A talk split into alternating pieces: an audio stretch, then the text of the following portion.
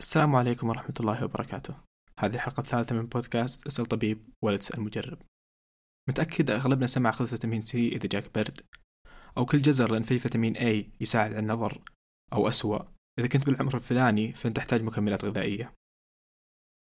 أنا محمد البواردي طالب طب وهذا برنامج اسأل طبيب ولا تسأل مجرب. لو بمسك كل شائعة عن الفيتامينات ما راح أخلص ولا بكرة. لكن خلينا نبدأ بأشهرها فيتامين سي والبرد. الكثير يعتقد أنها ترجع للكيميائي الأمريكي لاينس بولينغ. لاينس كان عالم مميز قبل لا يتوفى في عام 1994 كان هو أول من حصل على شهادتين نوبل فرديات في العالم. بس في بداية السبعينات بدأ يوسوس بفكرة العيش للأبد وبدأ يأخذ الفيتامينات بالهبل. بدأ يقول أشياء مثل جرعات عالية من الفيتامين سي ممكن تعالج البرد تطول بالحياة وتعالج السرطان. للأسف بحكم شهرته ما حد شكك بمعلوماته حتى إن كانت غير مبنية على أي بحث علمي. طيب انتهينا من مصدر الإشاعة. بس وش الفيتامينات؟ وش تعريفها؟ خلنا نفصل الكلمة. فايتا باللاتيني تعني حياة وإماين من الأمينات أي مركب عضوي.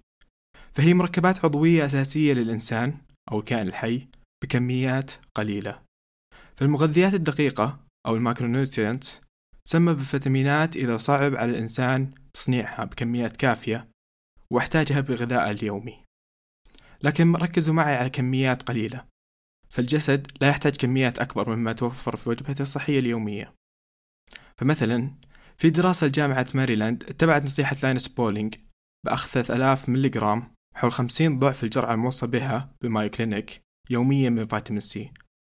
فقسمت مجموعة من المطوعين إلى مجموعتين. الأولى أعطوهم 3000 ملغرام يوميا لمدة أسبوع والثانية أعطوهم جرعات وهمية. ثم عدوا المجموعتين بالبرد. لقوا أن المجموعة من المتطوعين اللي جتهم أعراض برد نفس الفترة الزمنية كلهم نفس الأعراض. دراسة ثانية لجامعة تورونتو أخذت 3500 متطوع. لقوا أن ما في أي علاقة بين الذين تناولوا جرعات إضافية من فيتامين سي ومن لم يتناول.